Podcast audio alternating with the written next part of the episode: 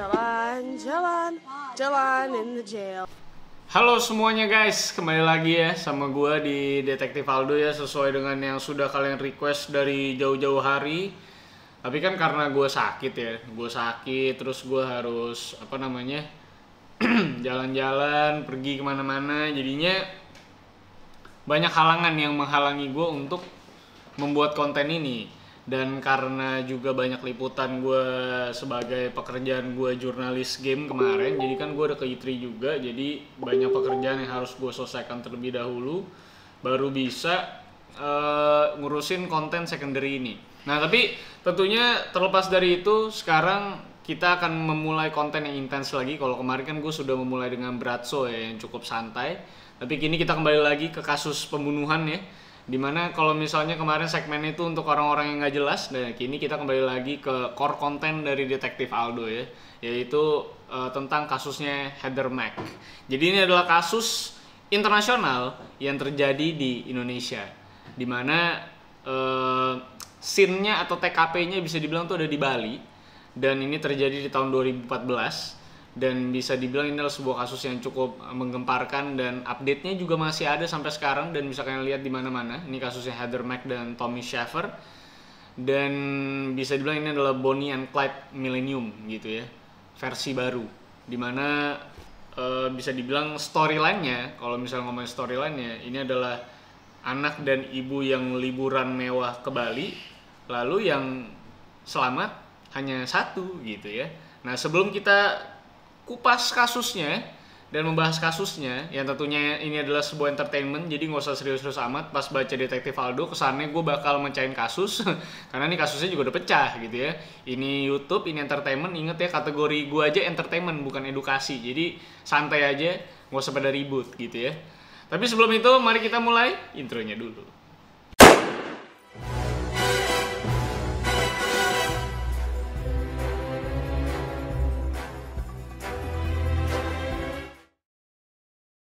Nah, oke kita sekarang akan bahas ini adalah kasus yang terjadi tahun 2014. Ini adalah kasusnya Heather Max sekali lagi. Nah, tapi kan tentunya sebelum gue ngebahas sebuah kasus, tentunya gue ingin menceritakan Heather Mac-nya terlebih dahulu ya, supaya kalian lebih relate. Nah, kalau misalnya gue lihat ke layar depan, ya seperti biasa gue bilang, gue sambil ngeliat data-data yang gue catat di layar gue.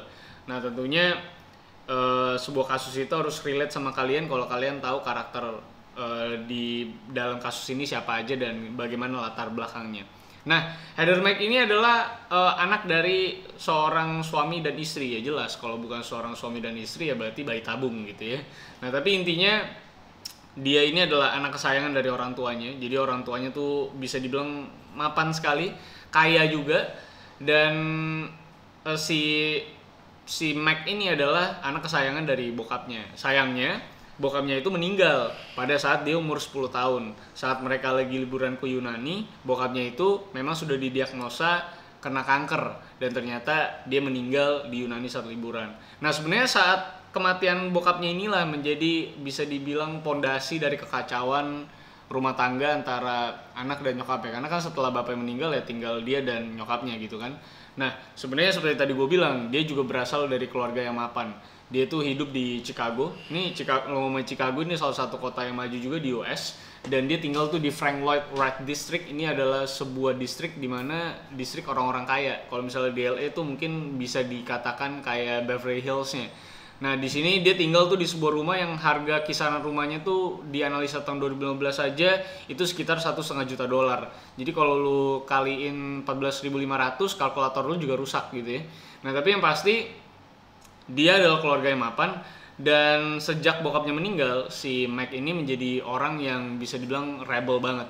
Jadi orang yang eh, rusak lah secara mental. Dia mulai banyak bolos sekolah saat masuk ke SMP lalu dia mulai yang namanya eh, bergaul sama orang-orang yang nggak benar di sekitarnya dan ini menjadi sebuah bisa dibilang sebuah keresahan bagi nyokapnya untuk ngedidik si Mac ini dan juga Mac ini sering yang namanya nyolong duit nyokapnya. Banyak banget. Itu buat hal-hal yang nggak berguna. Bisa dibilang kayak buat ngomongin masalah makan mewah lah dan segala macam. Nah ini yang dilakukan sama Mac.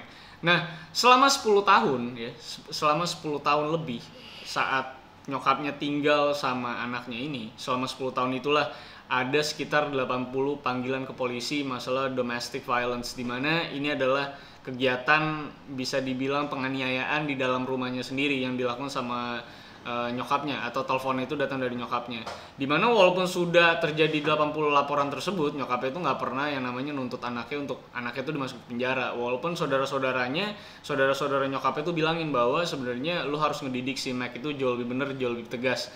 Tapi nyokapnya tetap bilang bahwa ini adalah anaknya, jadi dia nggak bisa juga yang namanya nuntut anaknya itu ke jalur hukum juga. Jadi laporan-laporan yang dibuat juga hanya sebuah bisa dibilang Eh, laporan-laporan dari orang-orang terdekat dan laporan dari nyokapnya juga itu sekedar laporan yang memang membuat dia agak khawatir aja sama keselamatan dirinya tapi dia tetap bisa mengampuni anaknya dan hidup seperti biasa gitu dan dan lu kalau mau tahu kejahatan yang dilakukan sama anaknya ke nyokapnya itu adalah nyokapnya itu sampai pernah tangannya tuh patah saat didorong terus nyokapnya juga digigit gitu kan dipukul juga. Jadi banyak banget uh, kisah-kisah nyokapnya yang cukup menyedihkan ya. Untuk orang tua yang mapan yang rumahnya juga satu setengah juta dolar gitu dan saat lu lihat dalamnya tidak seharmonis dan tidak seindah seperti rumahnya. Nah, akhirnya setelah keributan itu terjadi gitu kan, lahirlah sebuah ide bahwa si Mac dan nyokapnya ini ingin liburan dan ingin memperbaiki hubungannya ke Pulau Dewata Bali Indonesia. Jadi kalau mau ngomongin uh, liburan ini memang konteks liburan ini untuk memperbaiki hubungan antara kedua uh, anak dan nyokapnya ini. Dan bisa dibilang karena mereka adalah keluarga yang mapan gitu ya, mereka itu terbang ke Bali itu menggunakan bisnis class yang harganya tiketnya itu sekitar 10.000 dolar men per orang. Dan itu memang di nilai itu di tahun 2014. Jadi kalau sekarang ditambah dengan nilai inflasi ekonomi segala macam mungkin sekarang mungkin sekitar 15 ribuan dolar. Itu sekitar 200 jutaan satu orang kalau lu naik bisnis kelas. Yang lu tahu jam terbangnya itu mungkin sekitar 17 sampai 20 jam dari Chicago ke Bali.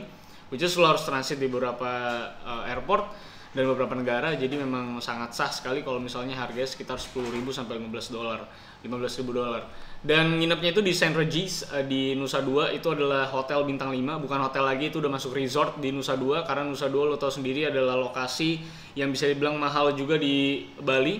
Itu layaknya Kemang atau Sudirman gitu ya. Kalau di Jakarta itu kalau di Bali itu adalah Nusa Dua jadi mereka tinggal di Saint Regis di Bali 5 bintang 5 dan kamar hotelnya itu katanya tahun 2014-an itu sekitar 1000 dolar atau sekitar 15 jutaan.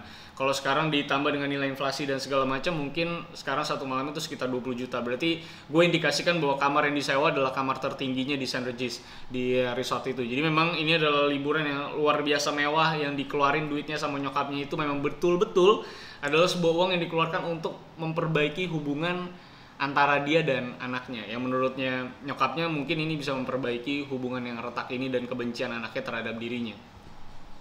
Tapi sayangnya sekitar dua minggu kurang kurang dari dua minggu dia traveling di Bali dan foto-fotonya juga beredar di mana dia dan anaknya itu foto-foto ya layaknya kayak nyokap dan anak lagi liburan bareng aja gitu. Jadi sangat harmonis senyum juga nggak ada indikasi negatif apa pun Sampai akhirnya dua minggu, uh, kurang dari dua minggu dia liburan di sana, akhirnya dia mendapatkan kabar bahwa pacarnya si Mac ini yaitu Tommy Shaffer itu datang ke Bali, mendarat di Bali. Dan Tommy Shaffer bisa dibilang adalah satu-satunya orang yang nyokap itu nggak pengen lihat dan satu-satunya orang juga yang ingin dia jauhin dari anaknya karena menurut dia Tommy Shaffer ini adalah bad influence atau dampak yang buruk untuk anaknya jadi dia nggak pengen si si Mac ini ketemu sama yang namanya si Tommy Shaffer. Tapi sayangnya saat liburan itu Tommy Shaffer itu datang men. Datang dan nyokapnya juga mendapatkan kabar juga gitu ya bahwa kedatangan si Tommy Shaffer ini menggunakan kartu kredit curian yang dilakukan sama anaknya gitu. Jadi ngebayar tiket pesawatnya si Tommy Shaffer itu pakai kartu kredit nyokapnya. Harga penerbangannya dari Chicago langsung ke Bali tiketnya bahkan lebih mahal 12.000 US dollar. Jadi sekitar mau 200 juta juga. Dan itu malah pakai kartu kredit nyokapnya. Jadi lu tahu bahwa Tommy Shaffer juga dinaikin sama Mac itu pakai business class. Karena harganya segitu mahalnya, 12.000 dolar. Dan inilah dia awal-awal di mana tragedi dan kasus ini terjadi. Karena setelah 10 jam si Tommy Shaffer mendarat di Bali gitu ya. Akhirnya Tommy Shaffer itu kelihatan di CCTV di Regis bahwa dia masuk ke kamarnya si uh, Mac atau si Sheila dengan menyimpan atau dengan membawa yang namanya mangkok buah-buahan yang ditaruh di dalam bajunya. Sang, setelah dia masuk ke sana, akhirnya satu jam kemudian si Mac dan si Tommy Shaffer ini tertangkap di CCTV keluar dari kamar menuju ke lobby dan keluar dari lobby itu membawa sebuah koper warna silver. Koper warna silver ini akhirnya disimpan di bagasi sebuah taksi. Di mana saat dia memasukkan bagasi atau si koper ini ke dalam yang namanya taksinya itu, akhirnya dia cabut ke sebuah hostel terdekat dari St. Regis dan dia nggak bawa kopernya turun. Akhirnya si tukang taksi ini ngedrop lah itu koper ke kantor polisi terdekat dan tentu di trace balik dong karena saat dibuka koper tersebut hasilnya cukup mencengangkan. Ada seorang wanita bule setengah telanjang yang sudah berdarah-darah, yang sudah diotopsi bahwa si Sheila ini sempat tersedak sama darahnya sendiri karena digebukin gitu kan kepalanya dan akhirnya meninggal juga dan ternyata ini nyokapnya dan ter, setelah sudah di cross check ulang dan di trace balik dan begitu mudahnya ya karena yang namanya turis juga dan CCTV ada di mana-mana lu ngomongin resort bintang 5 juga dia akhirnya konfirmasi ke hostel terdekat dan hostel terdekat itu juga membuka bukti-buktinya bahwa memang si Mike dan Tommy Shaffer ini check in tanpa membawa koper. Dan di sinilah akhirnya ketahuan bahwa ternyata yang ngebunuh nyokapnya atau ngebunuh si Sheila ini adalah si Mac dan Tommy Shaffer masukin nyokapnya ke dalam koper men lo bayangin. Abis ngegebukin masukin langsung ke dalam koper walaupun setelah sudah ditangkap dan di, bisa dibilang diinterogasi untuk masalah kesaksian si Mac itu mengaku bahwa dia nyokapnya dan Tommy Shaffer ini diculik sama sebuah geng gitu ya. Dan akhirnya nyokapnya terbunuh gitu. Walaupun itu nggak masuk akal. Dan akhirnya itu dibuktikan sama polisi bahwa ada digital trace. Di mana di HP-nya si Tommy ini ada trace bahwa Tommy datang memang bukan untuk liburan atau holiday bareng sama si Mac atau sama si Sheila nyokapnya tapi emang melain, melainkan memang udah rencana jauh-jauh hari untuk ngebunuh Sheila makanya Tommy Shaffer itu datang. Dan bahkan di chat itu juga sudah tertera banyak sekali transkrip di mana si Sheila ini sama Tommy Shaffer ini berdiskusikan tentang bagaimana cara ngebunuhnya si Sheila bahkan dengan cara yang bercanda-bercanda gitu ya. Apa lu gebuk aja atau lu tenggelemin kah? Atau mau bikin skenario si Sheila ini mabuk dan palanya terbentur saat jatuh gitu-gitu. Jadi udah banyak skenario yang dibuat bercanda-bercanda gitu sama mereka gitu. Jadi memang menurut gue sudah psikotik banget ini berdua. Makanya disebutnya Bonnie and Clyde gitu kan. Karena kalau lo tahu kasusnya Bonnie and Clyde ya ini mereka adalah sebuah reborn dari Bonnie and Clyde gitu. Dan bahkan saudara si Tommy juga chat mengatakan bahwa Sheila itu minta dia cariin untuk bisa ngebunuh nyokapnya dan dia mau ngebayar 50 ribu US dollar. Itu sekitar enam bulan sebelum kejadian. Jadi memang sudah ada SMS tersebut yang minta tolong sama saudara si Tommy. Dan Tommy juga bilang sama si uh, saudara Tommy maaf saudara Tommy itu ngomong sama si Tommy bahwa nih cewek lu gila kan karena suruh gua nyari pembunuh bayaran gitu 50 ribu dolar. Tapi sayangnya si Tommy itu tetap tidak menggubris hal itu ya. Sampai akhirnya dia terbanglah ke Bali untuk melakukan eksekusi tugasnya ini yaitu ngebunuh si Sheila. Di memang di mana memang si Tommy ini memang sudah di bisa dibilang kayak dimanipulasi lah sama si Mac bahwa dia saat nyokapnya mati ini lu bisa ngedapetin 11 juta dolar gitu sebagai warisan walaupun ternyata setelah dikonfirmasi ulang, di cross check ulang sama keluarganya, ya sebenarnya warisan cuma sekitar satu setengah juta dolar. Ya sama-sama gede sih, cuman ya nggak 11 juta dolar.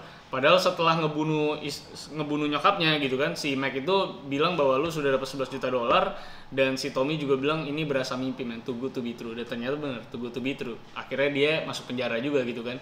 Dan balik lagi ke proses pembunuhannya gitu ya. Jadi saat proses pembunuhannya, saat sudah tertangkap di kamera CCTV, akhirnya si Tommy itu masuk.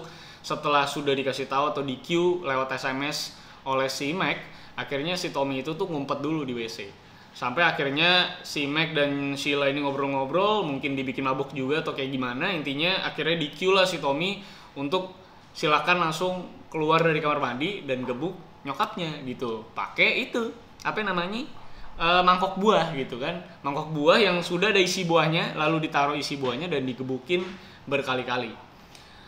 Nah akhirnya kasus itu kan terungkap gitu ya. Akhirnya si Mac itu dihukum selama 10 tahun dan Tommy itu dihukum selama 18 tahun. Dan akhirnya mereka juga berpisah. Setelah mereka dinyatakan jadi tersangka dan ternyata juga si Mac itu dalam kondisi hamil dan sudah melahirkan di penjara juga dan dirawat di penjara sampai sekarang juga dan perkembangan kasusnya adalah yang menarik adalah saat bisa dibilang si Mac ini pengen melakukan confession ke True Crime True Crime Daily untuk memberikan versi ceritanya dia. Kalau selama ini dia disalahin bahwa dia hanya ingin dapetin warisan dan segala macamnya dan dia juga ngebunuh Sheila karena dia memang benci sama nyokapnya. Tapi sekarang ada confession lagi nih dari si uh, Mac bahwa dia ingin menceritakan versi dia sendiri, versi sebenar-benarnya yang belum pernah diceritain ke siapa-siapa. Di mana versinya bahwa si Sheila ini kesel saat dia confess bahwa dia tuh udah hamil, hamil bayinya si Tommy dan akhirnya nyokapnya ini histeris dan marah-marah dan bawa pisau pengen ngebunuh dia gitu ya padahal setelah di cross check ulang kesaksian Mac ini bisa dibilang tidak valid karena ada email yang masuk ke teman baiknya Sheila atau nyokapnya yang email bahwa dia sudah mendapatkan kabar bahwa anaknya itu hamil sekitar 8 minggu. Itu adalah dua bulan.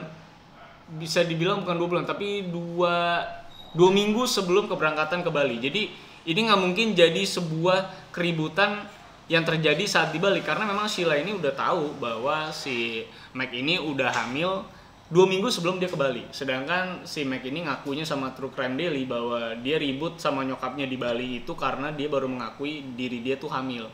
Nah jadi banyak confession-confession yang dilakukan sama ke True Crime Daily yang akhirnya di cross check sama bukti-bukti yang ada dan keluarlah bisa dibilang uh, kesimpulan bahwa memang si Mac ini adalah anak muda yang jago banget manipulasi.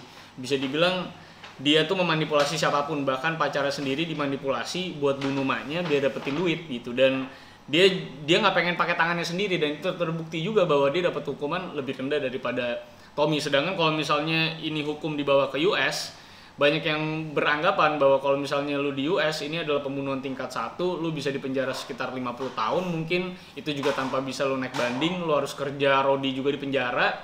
Tapi saat di Bali ini enggak gitu ya.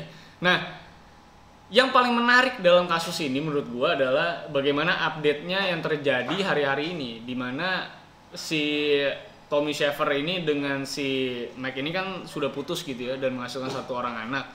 Dan anaknya ini ternyata hidupnya jauh dari kata nyokap dan anak gitu karena ternyata si Mac ini sering ditangkap tuh sering dugem ya di penjara sering video callan juga sering bikin-bikin yang namanya video-video buat sosmed di mana juga ada pengakuan dari Sheffer bahwa si Mac ini sering ngewek juga di penjara bareng cewek-ceweknya jadi lesbian juga.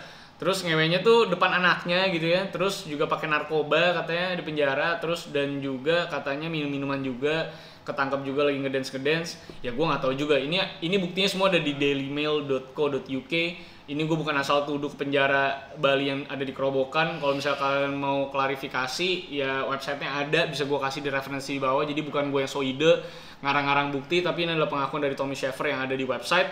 Jadi lu bisa baca lengkapnya Nah, itu adalah dia kasus dari si um, Heather Mac yang ngebunuh nyokapnya sendiri dan dimasukin ke koper. Menurut gue ini adalah kasus yang cukup menarik dan cukup psikotik juga ya. Karena memang sebelum terjadi pembunuhan memang rencananya sudah sangat matang sekali sampai udah datang juga tiketnya nggak mungkin go show juga kan jadi ini tiketnya harusnya dibeli jauh-jauh hari dan bisa dibilang rencana untuk liburan ke Bali juga harusnya sudah direncanakan jauh-jauh hari juga sama Heather Mac untuk bisa ngebunuh nyokapnya ini secara clean tanpa ada yang namanya turut campur dari keluarga-keluarganya yang terdekat di sana kan. Jadi lebih cepat terbukti. Tapi ternyata karena memang anak muda dan kurang persiapan ya jadi kebukti juga. Karena memang saat di Bali memang sudah banyak hal-hal yang aneh gitu. Kayak misalnya si Sheila ini nyariin anaknya yang hilang tiba-tiba pergi entah ke mana gitu kan. Dan dia juga ngemail ke Elliot juga tiga hari sebelum si Sheila ini mati atau terbunuh ya dia udah ngemail ke Elliot bahwa dia lagi nyariin anaknya. Dan ternyata tiga hari setelah email itu sampai si Sheila itu meninggal dalam sebuah koper. Bahkan kakaknya si Sheila ini sekarang tuh trauma setiap lihat koper karena dia merasa bahwa Sheila itu meninggalnya tuh di dalam koper. Dan tragis banget gak sih saat orang tua lu meninggal? Orang yang terakhir kali lu lihat adalah anak lu sendiri yang ngebunuh lu gitu dan mukulin lu. Bahkan pas masukin ke koper aja itu belum mati men itu masih setengah mati setengah hidup dan ter- tersedek sama darahnya sendiri gitu. Jadi ini benar-benar kasus pembunuhan yang gila dan gue bisa kasih lihat lu video-videonya kebahagiaannya si Heather Mac selama di penjara gitu ya. Dan memang dia confess bahwa dia sedih nyariin emaknya tapi tidak ada relevansinya nih. Saat gue cek nggak kok nggak relate gitu sama confession dia saat di penjara masih kasih aja gitu. Ngerokok gitu kan segala macem. Mudah-mudahan kalau memang berita ini tersebar dan kalian bisa lihat referensi benernya ya gue berharap sih penjara di Bali kalau bisa se-strict mungkin lah ya.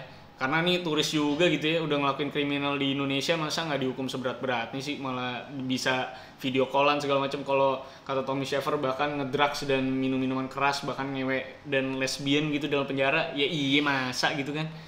Jadi itu aja kasusnya. Kalau menurut lo gimana? Apakah kira-kira versi dari Mac itu benar? Apa salah gitu. Tapi karena kalau dari bukti-buktinya sudah pasti salah ya. Jadi apalagi mau diperdebatkan gitu ya.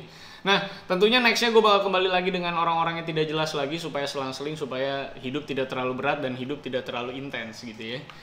Jadi itu aja kasus yang bisa gue berikan kepada kalian untuk ha- hari ini yaitu tentang kasusnya Heather Mac dan Tommy Sheffer yang ngebunuh nyokapnya Heather Mac si Sheila. Mudah-mudahan kasus ini bisa menghibur kalian ya. Nggak mungkin lah ya masa kasus pembunuhan menghibur ya. Tapi setidaknya memberikan kalian edukasi lah. Bagaimana eh, seorang anak itu bisa ngebunuh nyokapnya walaupun nyokapnya udah kayak malaikat gitu. Jadi sebenarnya kalau lu ngebunuh siapa pun ya nggak ada korelasinya dengan orang itu sendiri sih karena ya balik-balik lagi ke sifat masing-masing aja gitu ya.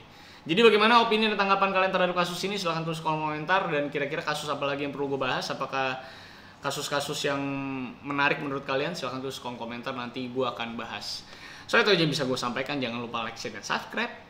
Dan gue mau cabut dulu karena di sini panas ya di setup baru gue dan gue ingin membahas kasus-kasus lainnya lagi. Bye bye guys.